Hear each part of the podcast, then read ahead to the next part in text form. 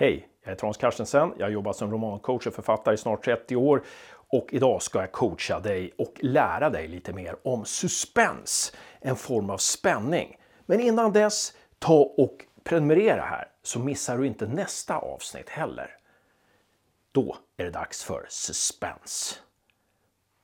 När som helst under det här föredraget kommer någonting att hända.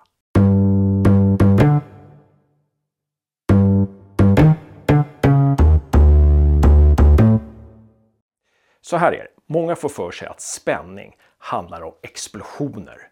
Biljakter, någon slår in en dörr, någon slår någon på käften och så vidare. Men spänning och framförallt suspens handlar om förväntan. Alltså en förväntan att något kommer att ske någon gång i framtiden. Först och främst handlar det om att sätta en klocka i läsarens huvud. Att då kommer något att ske. För om det bara sker så skapas det inte suspens utan då skapas det sensation. Men om det sker efter att läsaren har räknat ner sekunderna i princip, då kommer det här nedräknandet bli väldigt betydelsefullt och väldigt laddat. Och det är då vi pratar om suspens. Därför måste du, för att läsaren ska uppleva det här, så måste du sätta en klocka i läsarens huvud och du måste tala om att någonting ska ske snart. Till exempel att det är då som jag ska ha det här allvarliga pratet med min chef. Det är då jag ska träffa min syster som jag inte har träffat på sex månader. Det är då jag ska fly från kidnapparna. Det kommer alltså skapas ett nu och ett förhållande till en punkt här i framtiden. Och det är den här sträckan det är den där läsaren upplever suspens. Alltså läsaren måste bli beredd på att någonting kommer ske snart. Vi gör en övning här så kanske det blir lite klarare. Den första övningen eh, är tre meningar som jag har skrivit och som du ska fortsätta på helt enkelt. Ja, halva jobbet är gjort, det är bara att köra igång. Om tre timmar kommer hon att hon bävar för morgondagen eftersom hon... Ingen svarar hemma hos systern. Nu måste han direkt...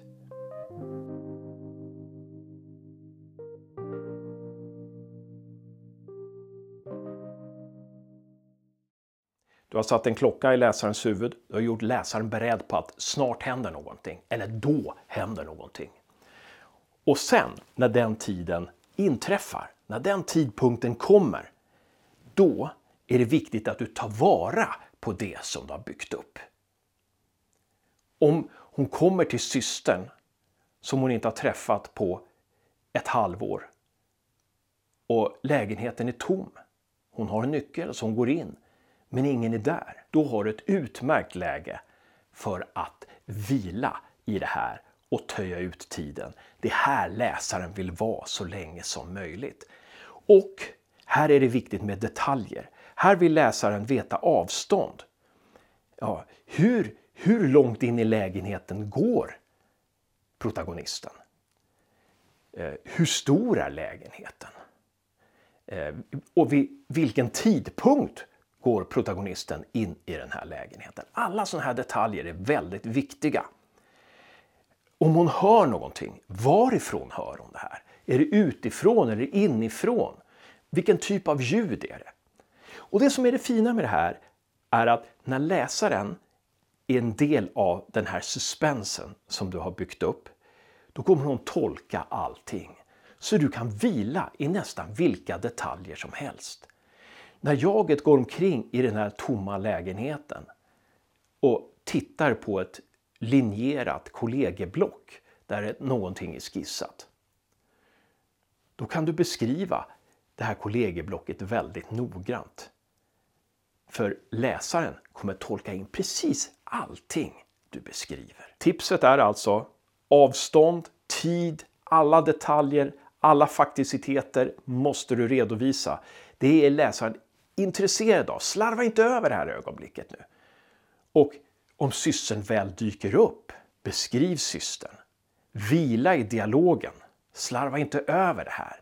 Det är det här vi har väntat på. Vi kör en andra övning. där du får pröva på att vila i den suspens, i de förväntningar som du har byggt upp. Fortsätt på min text och vila i detaljer. Hon ber mig komma ut på bryggan. Jag går dit. Hon säger att hon kommer att knuffa i mig. Jag säger att jag inte kan simma.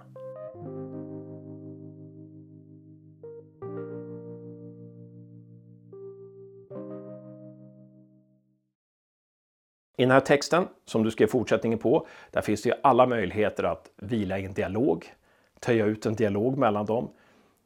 Du kan vila i utseende, beskriv hennes utseende, eh, jagets utseende, vad som händer runt omkring. Allt kommer att bli intressant. Ja, det var det jag hade att säga om suspens.